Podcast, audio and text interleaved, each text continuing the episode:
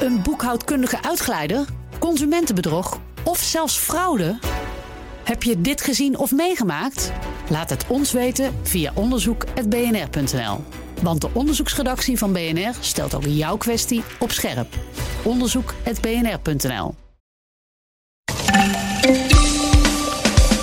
De oorlog in Afghanistan is voorbij, zegt de Taliban.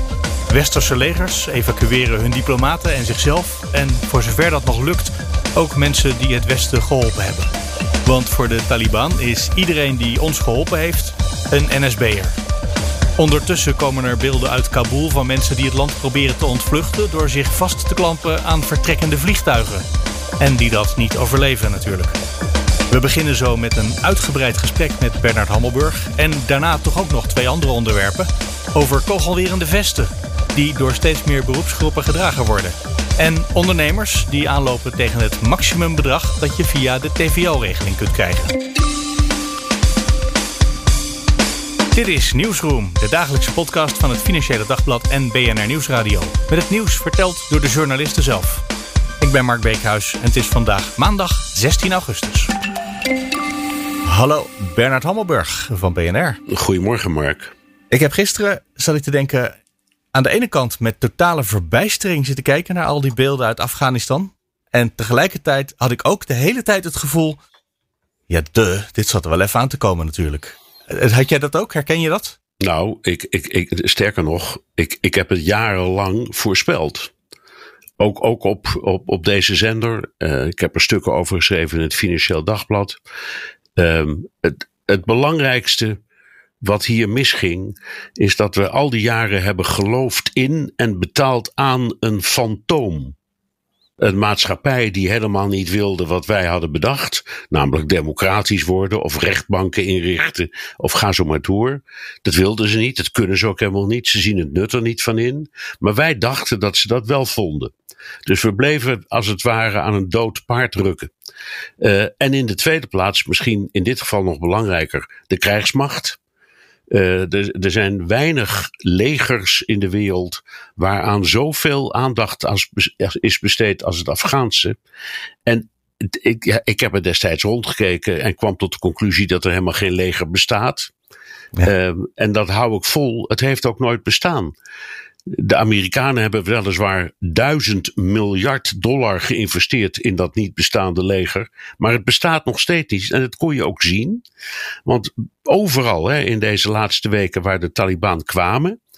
Daar gaven die soldaten zich onmiddellijk over, zonder enig verzet, leverden hun wapens in, uh, stapten op hun brommer en gingen naar huis, zo gezegd. Ja. Uh, en uh, of ze namen de benen, of, of verdwenen, of zijn verdampt, of gevlucht, of weet ik wat allemaal. Maar er was geen leger. Ze hadden wel gevechtshelikopters en vliegtuigen en de prachtigste artillerie en noem het allemaal maar op. Maar ze konden, ze konden er niet mee omgaan of ze wilden er niet mee omgaan. Dat was de ene gedachte. En de andere was natuurlijk, ja, dat is onvermijdelijk, omdat ik dat ook heb meegemaakt. Het, het, het, uh, de beelden uit Saigon die op mijn netvlies staan. De totale overhaaste ontruiming na de oorlog die Amerika toen ook verloren had. Ja, maar dat was beter gepland. Hoe gek hm. het ook klinkt.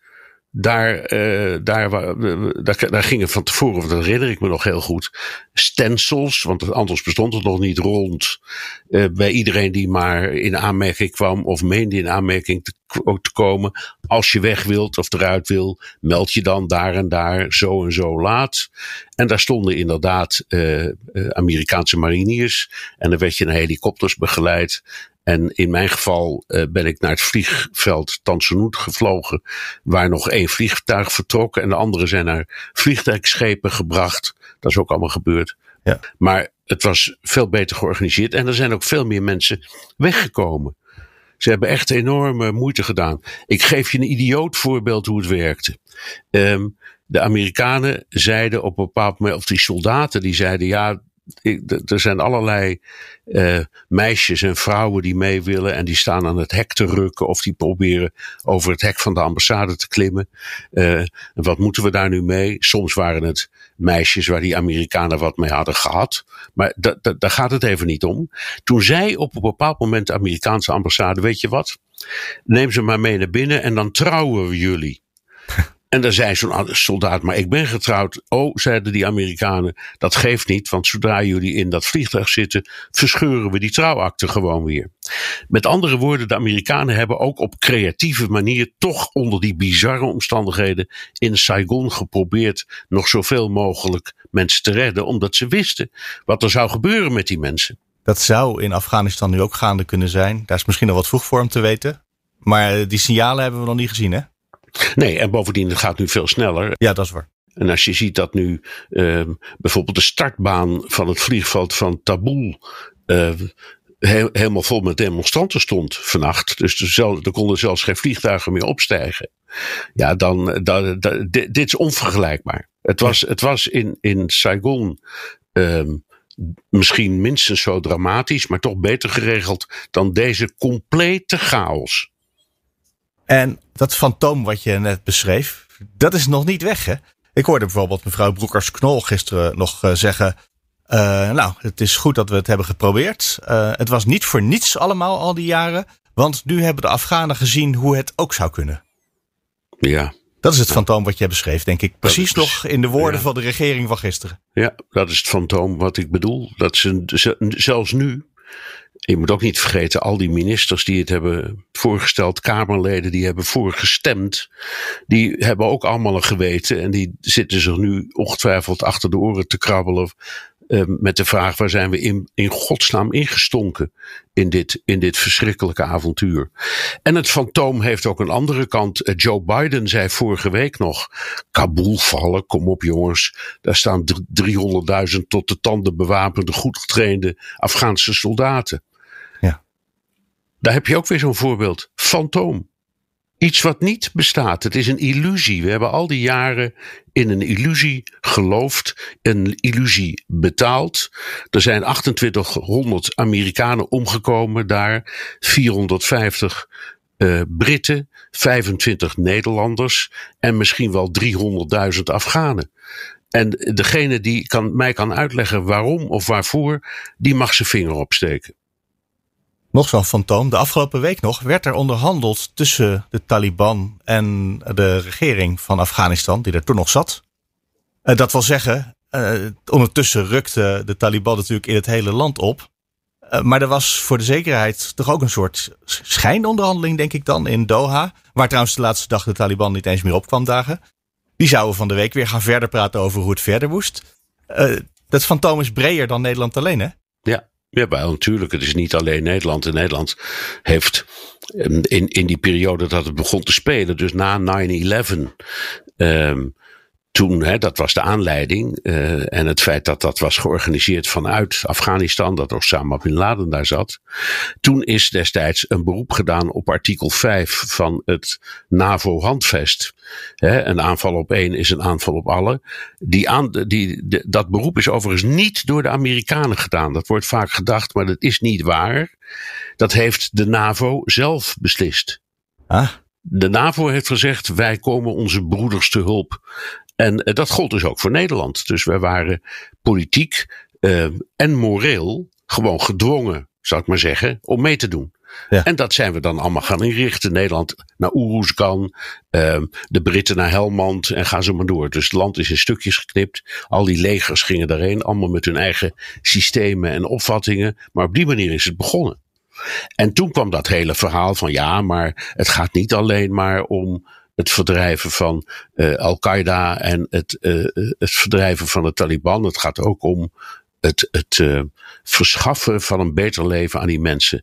En, en, en dat is altijd een fabel geweest. Ondanks de 3D-aanpak van uh, Nederland. Die, de 3D-aanpak van Nederland is altijd flauwekul geweest. En er zijn, ik heb heel veel ruzies gehad hierover met Kamerleden en ministers. En die, die dan heel boos worden en zeggen: ja, maar het is wel zo. En ik ken zelf een meisje dat naar school gaat. Ik bedoel, van dat soort dingen. maar ja, maar ja. Het, het, het grote plaatje is mislukt. Misschien wilden de mensen ook gewoon niet, Mark. Daar moet je ook rekening mee houden. De, de, Taliban heeft inmiddels gezegd: de oorlog is voorbij. Uh, eindelijk bevrijd, hè, zit daar een beetje onder. Want zo ervoeren wij dat ook aan het eind van de Tweede Wereldoorlog. En de bezetter is natuurlijk ook weg. Als je het vanuit het, het, eh, perspectief vanuit de Taliban en misschien een flink stuk van de bevolking bekijkt. Ja, ik vind het een hele goede opmerking. Omdat wij zijn er allemaal heen gegaan. En op een bepaald moment had je die um, stabilisatiemacht die uit 43 landen bestond. ISAF, dat is veel hoor. Um, en die hadden allemaal het idee dat ze daar waren om de Afghanen te helpen. En de Afghanen, die hebben eh, die hele eh, pluk aan buitenlanders voornamelijk gezien als bezetters. Dus wij waren bezetters, wij waren geen bevrijders of vrienden of, of, of, uh, of hulptroepen. Wij waren bezetters. En dus moesten we eruit. Uh, en dat maakt het ook zo navrant voor al die mensen die eruit zouden willen. Want iedereen die met die bezetter heeft meegewerkt, op wat voor manier dan ook, is collaborateur in de ogen van de Taliban. En nu kunnen ze wel zeggen, we zullen dat met enige mildheid benaderen. Maar eerlijk gezegd. Dat hebben nou ze de afgelopen maanden niet laten zien. Want die kans is natuurlijk eh, wel geweest. Nee, en ik zag van de week nog een interview met een van die. Uh, Taliban-leiders. En daar werden allerlei vragen gesteld van hoe werkt dat dan met de sharia? Toen zei hij nou, dat is een hele rechtvaardige vorm van uh, wetgeving. Dus daar moet, moet, je niet al te bang voor zijn. Daar is geen enkele reden toe. En toen was de vraag, wat gebeurt er dan met een dief? Ja, uh, in dat geval moet zijn hand eraf met een sabel. Dus dat wel. Dus je, hebt, je weet precies wat je krijgt. Nou, dat gaat ook komen. In de internationale media horen we woordvoerders van de Taliban op het wel zeggen: nee, maar we zijn aan het onderhandelen met alles en iedereen. En uh, er komt geen vergelding. Dat soort zaken gaan we allemaal niet doen. Maar als je dan verslagen vanuit eh, de staten, vanuit de steden in het land hoort. Uh, daar is een redelijk agressieve bewind op het ogenblik aan de macht. Ja, ik vind, dat is niet hetzelfde. Nee, ik denk dat je er geen illusies over moet maken. En overigens hebben de Taliban, Taliban natuurlijk gelijk als ze zeggen: we moeten um, uh, wel op de een of andere manier betrekkingen met het buitenland aanknopen. Want een land kan niet in isolement leven. En de Taliban zijn nu de, de, officieel de nieuwe regering van Afghanistan. Dus je krijgt ook de vraag van, uh, gaan we dat erkennen? En ja, op de, welke manier? Welk land? Wat wordt het eerste land dat zegt, we erkennen jullie? Um, nou, ik moet nog zien hoe dat loopt. Uh, Nederland zal dat zeker niet als eerste doen, zal ik maar zeggen. Maar op een bepaald moment gaat dat gebeuren. Ze moeten, hun, ze moeten zich gaan accrediteren bij de Verenigde Naties. Ik heb vannacht nog eens even gekeken op de website van een aantal ambassades, ook de Nederlandse. En ook die van uh, Afghanistan bij, bij, de VN. En daar staat gewoon nog de oude ploeg op. Ja, uh, allicht. Ja, dus ja, dus krijgen we nou, eh, wat gebeurt er met die, met die ambassadestaf? Bijvoorbeeld in Den Haag. Uh, kunnen die hier blijven of moeten die weg? Of eh, hoe gaat dat allemaal? Misschien wel asiel aanvragen. Ik, misschien gaan ze asiel aanvragen, dat weet ik allemaal niet. Maar dat moet allemaal nog gebeuren. Maar dat de Taliban op al die plekken of een aantal van die plekken zal zeggen: wij sturen een nieuwe ambassadestaf en wij willen ook gewoon vertegenwoordigd zijn in het buitenland. Dat lijkt me voor de hand liggen. Moeten wij nu nog iets met Afghanistan? Of moeten we het gewoon helemaal loslaten en zeggen: we hebben ons best gedaan uh, met een fantoom. Maar goed, we hebben ons best gedaan. Uh, nu moeten we het maar even aan zichzelf overlaten om te kijken wat zij gaan doen. Uh, ik denk dat laatste. En ik vind, ook, ik, ik, ik vind ook dat we onszelf niet moeten veroordelen. Want het was allemaal goed bedoeld. Het is echt zo. Het was solidariteit met een aangevallen NAVO-lid. Het was ook het gevoel van solidariteit met dat arme Afghaanse volk dat hulp nodig had. Dat vonden we echt. Dus je mag niet nu gaan zeggen: ja, maar dat hadden we, dat, dat was niet eerlijk of dat was niet oprecht. Of, uh, dat, hm. daar ben ik zeer op tegen. En we zullen ook moeten nadenken over hoe we aan onszelf en de nabestaanden en de dierbaren van die 25 omgekomen Nederlanders uitleggen waarom we daar al die jaren hebben gezeten. Dit is voor, in elk geval voor Amerika, waarschijnlijk voor ons ook, de langste oorlog ooit nou ja, we hebben de 80-jarige ja. oorlog gehad, maar die reken ik even niet mee. Maar dit is 20 jaar is verschrikkelijk lang. Ja. Um, en er zal nog heel wat reflectie nodig zijn om uh, het in ons geweten en in onze vorm van geschiedschrijving en ook objectieve beoordeling een zo goed mogelijke plaats te geven. Zal niet meevallen. Nee, want dat wilde ik je als laatste nog vragen. Doet dit nou iets, en ik vraag hem over de VS, gaat vast ook eigenlijk stiekem over Nederland. Maar doet dit nou iets met het zelfbeeld van Amerika in de wereld? Dat ze alweer een oorlog niet gewonnen hebben. Dat is een, een patroon. dat ze weliswaar zichzelf, volgens mij in gedachten, de politieagent van de wereld toch nog steeds wel vinden. Maar niet in staat zijn om te bereiken wat ze willen. Zelfs zo'n ontruiming van Afghanistan, wat rustig was tot een paar weken geleden. Verandert dat iets aan het idee van de Amerikanen over zichzelf? Nou, in dit geval waren de Amerikanen er al sinds Obama klaar mee. Hè? Vergeet dat niet. Obama wilde daar al weg. Jawel. En Trump ook. En het is, al, is niet gelukt. En Biden heeft gezegd, linksom of rechtsom, we doen het nu gewoon. Want anders dan blijven we erover praten. We doen het nu gewoon.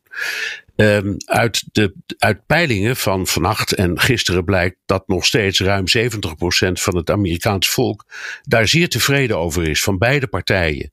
Met andere woorden, ik denk dat de meeste Amerikanen denken: um, good riddance. Hier zijn we vanaf. Uh, het was fout, we hadden het nooit moeten doen. Um, en uh, de, we hebben ook onze les geleerd. Je moet niet overal de agent van de wereld willen zijn. En ook niet in een of andere kattenbak ergens in Centraal-Azië. ja. Wat deden we daar met z'n allen? Nou, dat soort vragen, dat hoor je wel. Voor de gemiddelde Amerikaan speelt het helemaal niet, want die denkt er niet over na. Nee, dat sowieso um, niet. Helemaal niet. Voor de gemiddelde Nederlander wel. Ja? Die, die, ja, dat denk ik wel. Ik denk dat heel veel mensen hier echt nadenken van, oh jee, wat, in eerste plaats wat vreselijk wat zich er allemaal afspeelt. En uh, wat vreselijk dat we daar uh, een rol in hebben gespeeld en dat dat zo is mislukt. Uh, er komt ook een Kamerdebat, geloof ik. Ja. En ik ben heel benieuwd wat, ja, wat, de, wat, wat de Kamer daarvan vindt. En of ook de Kamer het lef heeft om te zeggen: jongens, dit hebben we fout beoordeeld en dus fout gedaan. Ja, ik denk dat een deel van de Kamer dat gaat zeggen. Uh, namelijk, uh, de bedoeling was om te gaan praten over of we toch niet de tolken uit Afghanistan toch konden halen. Dus inmiddels is natuurlijk dat punt al gepasseerd. Dat, uh, dat loopt of dat loopt niet. Maar daar om daar dinsdag of woensdag over te gaan praten. maar de reden was natuurlijk dat wij in Nederland volgens sommige partijen het niet zo goed gedaan hebben. En zeker de afloop niet. Nee, maar er is ook die eeuwige nou ja, discussie in Nederland over opvang in de regio en ga zo maar door. Ja. Dus, dus die Afghanen die uh, solidair waren met ons, die moeten maar zien dat ze het in Tajikistan of Iran verder uh, door, door het leven gaan. Die discussie speelde ook al. Uh, en het gaat natuurlijk niet alleen om tolken. Het gaat om veel meer mensen. Het gaat ook over de kok en het gaat ook over de chauffeur. En het gaat ook over alle administratieve medewerkers die er waren. En bijvoorbeeld uh, om fixers. Uh, dat zijn ja. mensen zoals ik. Ik heb daar een fixer gebruikt in uh, Afghanistan. Een rechterhand die daar het land kent. Nou, dat, ja, dat is dan een, een collega-journalist die daar gevestigd is. Meestal een Afghaan, dat was in dit geval ook zo. Die de weg kent en je helpt deuren te openen, afspraken voor je maakt, ideeën geeft. een soort redacteur die je bij je hebt en die huur je ter plaatse in. Nou, daar zijn er, daar zijn er duizenden van door dat hele land. Voor al die landen die daar hebben gezeten. En dat Wat zijn nu allemaal collaborateurs met terugwerkende kracht ineens. Allemaal NSB'ers. Zo worden ze gezien. Dus ja, ik hou mijn hart vast. Bernard Hammelburg, dankjewel. Je hebt er zelf geen, toch of wel? Nee, ik heb er geen. Nee, ik heb er geen. nee, nee. Of het nou zo reuze comfortabel, dan heb ik toevallig eentje aangehad die ook met harde platen en zo, die uh, niet zo heel erg comfortabel was. Ze schijnen er ook te zijn die uh, een stuk fijner zitten. Maar die uh, zijn dan misschien weer wat minder bestand tegen de serieuze wapens. Ja, dat is zeker waar. Maar ja, goed, ik, ik, ik ga er maar vanuit dat ze niet altijd met uh, panzerdoorborende munitie uh, op je afkomen. ik ga er sowieso eigenlijk altijd vanuit dat mensen ons niet uh, te lijf zullen gaan. Ja, nou ja. Dat wordt dan toch een beetje gelogen straf door wat we toch regelmatig lezen en zien. Vooral cameraploegen en fotografen. dus behoorlijk zichtbaar uh, journalist en verslaggevers die met microfoons rondlopen. Daar zouden jullie zelf uh, wellicht ook wel bij BNR ervaringen mee hebben. Die worden en verbaal en als het een beetje tegen zit, toch ook fysiek belaagd. ik hoor van onze collega-verslaggevers dat ze met een gele microfoon aanmerkelijk minder last hebben van dat soort mensen dan met een witte microfoon of met zo'n rood, rood rondje erop. van de NOS. Dat dat nou een, andere, een ander gevoel opwekt kennelijk. Ja. Zullen wij onze opname officieel starten? Want we zijn al lekker aan het praten over de wereld rond de kogelwerende vesten. En uh, met, misschien ook meteen laten verklaren waarom er vandaag het artikel in de krant staat wat je geschreven hebt, Richard Smit.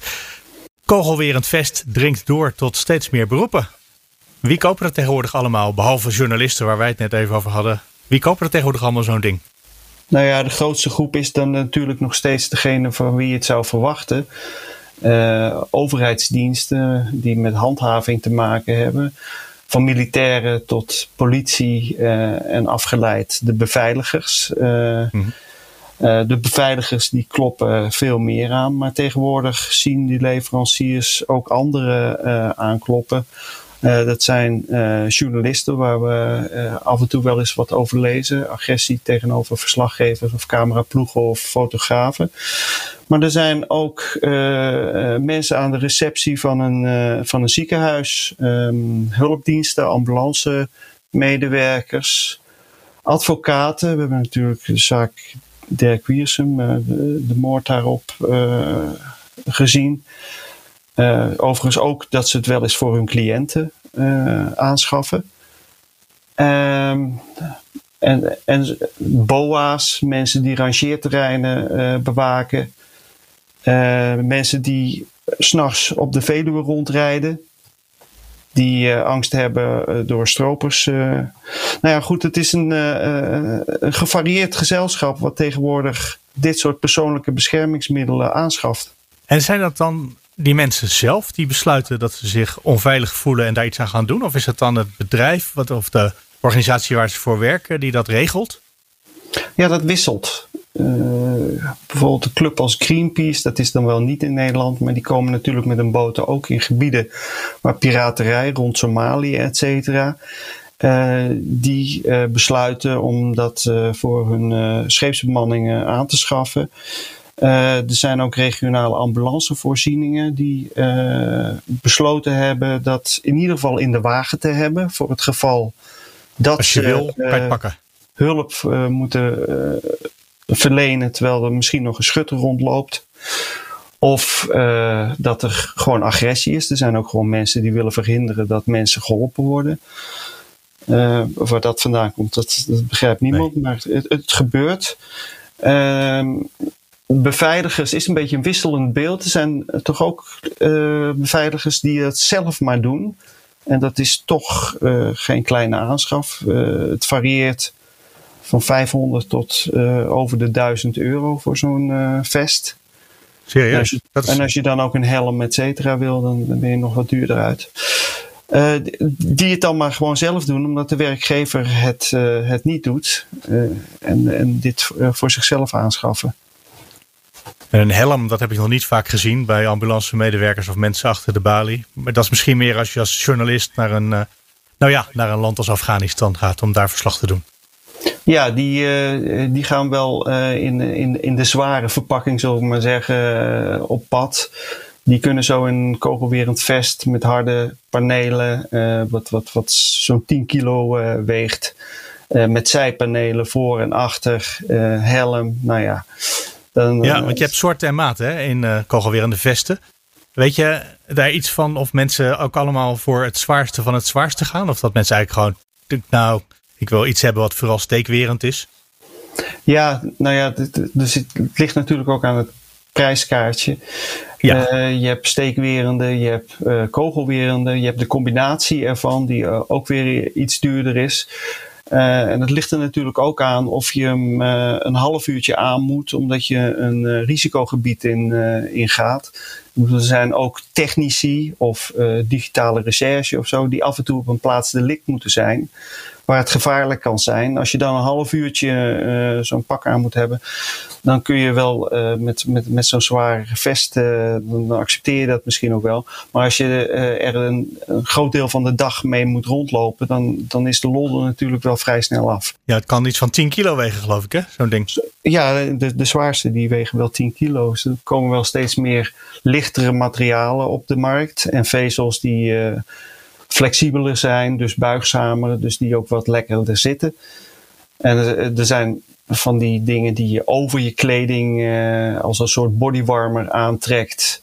Uh, maar ook die, die je eronder aantrekt, waarvan de bedoeling is dat je het niet ziet. Bijvoorbeeld zo'n Wilders, die heeft altijd iets onder zijn kleding aan experts zien dat altijd wel, want het piept dan altijd uh, eventjes boven het kraagje uit. Uh, dus die zien wel, uh, die heeft dan wat ze dan, een van die leveranciers noemde het wilde gilet.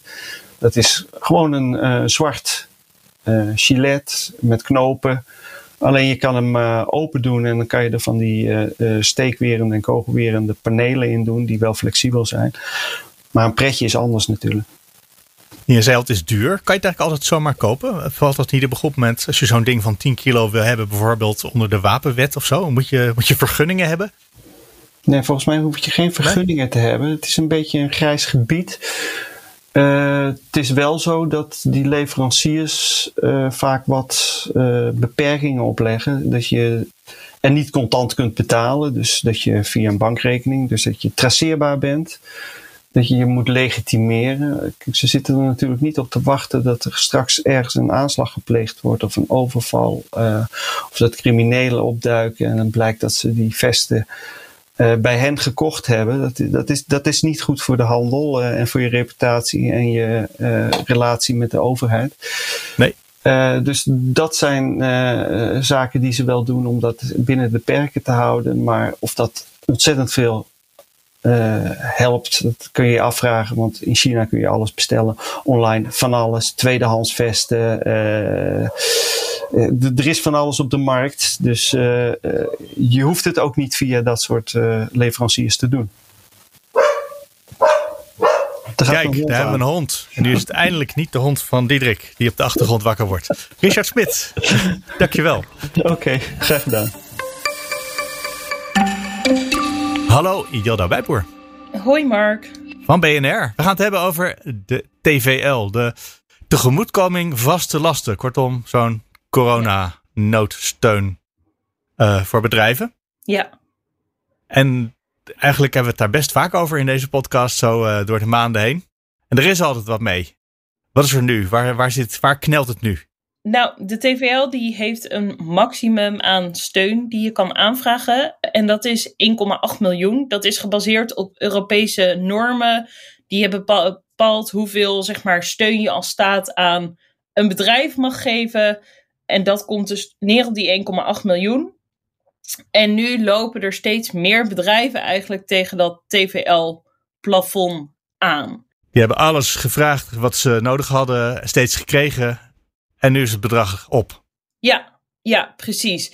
En voor sommige bedrijven was dat eigenlijk al best wel snel duidelijk. Want het geldt voor een bedrijf, maar ook dan voor eigenlijk de dochterondernemingen die door dezelfde persoon geleid worden. Dus bijvoorbeeld als je meerdere winkelketens uh, voor kleding hebt, nou ja, dan kun je je voorstellen dat als je één bedrijf hebt, dat die 1,8 miljoen, daar kom je een behoorlijk eind mee. Maar als je vier winkels hebt die allemaal bij dezelfde ondernemer horen en waarvoor die dus ook voor alle vier die winkels mag hij in totaal die 1,8 miljoen aanvragen, dan gaat dat natuurlijk een stuk harder. En dat is dan ook het probleem waar mensen nu tegenaan lopen. Eigenlijk, als je het zo beschrijft, heeft het nog best lang geduurd uh, voor die 1,8 miljoen bereikt is. Want we zijn al uh, anderhalf jaar bezig met die crisis. Ja, maar die TVL die gold eigenlijk eerst vooral voor kleine ondernemingen. Dus volgens mij tot 250 FTE. Um, en toen vanaf 2021 mochten ook grotere bedrijven dit gaan aanvragen. Ja. En uh, toen zijn er wel ook brancheverenigingen, zoals bijvoorbeeld in retail, die echt meteen gezegd hebben: ja, maar voor een deel van onze leden, ja, is dit een beetje een druppel op een groeiende plaat. Want die hebben gewoon zoveel winkels dat die 1,8 miljoen klinkt leuk, maar dat helpt ze in de praktijk veel minder. En die hebben daar ook wel meteen in de politiek over aan de bel getrokken. Alleen, het, het is dus een Europese norm. En dan zou je dus weer een aparte regeling voor die wat grotere bedrijven moeten opzetten. Maar dat is dan ook weer lastig, want je ziet gewoon ook dat als je kijkt naar uh, want we hebben gekeken dan ook in welke sectoren dit speelt. Dat het, ja, het zijn dus vooral ondernemingen met meerdere bedrijven of gewoon één bedrijf, maar dan meerdere vestigingen. Maar bijvoorbeeld ook de touringcarsector. En daar kan het één onderneming zijn die gewoon heel veel bussen heeft. Uh, waardoor daar de vaste lasten zo hoog zijn. Dus het is dan ook, denk ik, nog best moeilijk om, als je dan een regeling moet verzinnen hiervoor, dat dan weer dekkend te maken voor alle bedrijven die hier last van hebben. Nou hadden we voor het weekend natuurlijk de persconferentie waarin ons eigenlijk verteld werd uh, de coronacrisis is zo goed als over. Houdt u nog even vol. Dan gaan binnenkort alle regels uh, gaan van tafel. Dat betekent dat alles weer open kan. wat nog tot nu toe misschien gesloten moet zijn. Is het, zou ze niet gewoon even die laatste twee maanden moeten volhouden en dan zijn we er doorheen? Um, nou ja, zij zeggen natuurlijk wel niet. Ze zeggen ja, we hebben ook hierdoor geen investeringen kunnen doen. Bedrijven hebben al enorm moeten interen op hun voorraden. Dat moeten ze nu nog meer doen. Uh, er zijn al enorme belastingsschulden, dus nee. En uh, bijvoorbeeld bij de touringcarsector Waar heel veel sectoren uh, profiteren van de heropening van de economie, geldt dat niet bijvoorbeeld voor de touringcarsector. Die ja, kunnen eigenlijk nog steeds heel weinig. Uh, Carlo Kam, die ik sprak, dat is de directeur van de branchevereniging, die vertelde, ja, de meeste bussen rijden nog steeds niet. We doen wat voor de NS als er weer treinen uitvallen. Maar eigenlijk hebben wij niks kunnen inhalen van de verliezen die we geleden hebben. En juist de zomer en de lente zijn de tijd wanneer die touringcarsector hun winst moet halen. En dat hebben ze nu niet kunnen doen. En zij vrezen wel echt voor als in Q4 alle uh, steun stopt en mensen tegen dit plafond gaan aanlopen, wat er dan gaat gebeuren. Vinden ze een uh, gevoelig oor in de politiek daarvoor, dat zij een bijzondere positie hebben? Nee, eigenlijk helemaal niet. En je zag ook op die persconferentie uh, Althans, ik heb een stuk gezien waarin Rutte dan wel speciaal nog de evenementen en de nachtclubs noemt en zegt er komt extra steun aan. Maar daar werd de touringcarsector niet bij genoemd. En zij gaven ook aan dat het lastig voor hen is, want ze vallen deels onder uh, het ministerie van Infrastructuur, die dan zegt: ja, maar dit. Uh, wij gaan over het OV en over uh, het vliegen, maar jullie zijn privaat. Dus wij hebben niks met jullie te maken. En dan moeten ze naar economische zaken. Die zeggen: ja, maar wij zijn niet van de speciale regelingen. Dat moeten jullie maar in je eigen ministerie vragen. Dus ze vallen ook een beetje tussen twee walletjes. Ja, tussen, nee, tussen de wal en het schip vallen ze. Ja. ik zei het wel. Ik dacht al. Ja, want ze zouden misschien wel van twee walletjes willen eten. Maar dat, ja. uh, er is op het ogenblik niet eens één walletje beschikbaar van te eten. Nee. nee. dus dat is iets wat een sector waar we dan binnenkort dus heel veel slecht nieuws over gaan horen. Als dat op een goed moment de, de reserves op zijn. Uh, de TVL al helemaal vol. Ja, dat, dat is wel wat zij verwachten. Ja, op zich, dat is wel een soort patroon in deze hele crisis. Alle brancheverenigingen voorspellen voor de komend half jaar het einde van de wereld. Uh, specifiek voor hun eigen sector. Dus het is ook heel lastig in te schatten in hoeverre zo'n sector het op kan vangen. Hè? Ja, klopt. Dat, dat is ook heel moeilijk. Dat ja, ja. Maar is ook als journalist lastig. Want je weet niet of het inderdaad zo'n nijpunt is. We kunnen natuurlijk niet bij die mensen in de boeken kijken. Wij moeten ook afgaan op berichten die we horen. Maar dan vraag. Kijk, we vragen het dan wel bij meerdere brancheverenigingen. Nou, we, spreken gewoon met meerdere mensen. Dus zo probeer je dan te kijken of het echt een probleem is. Ja.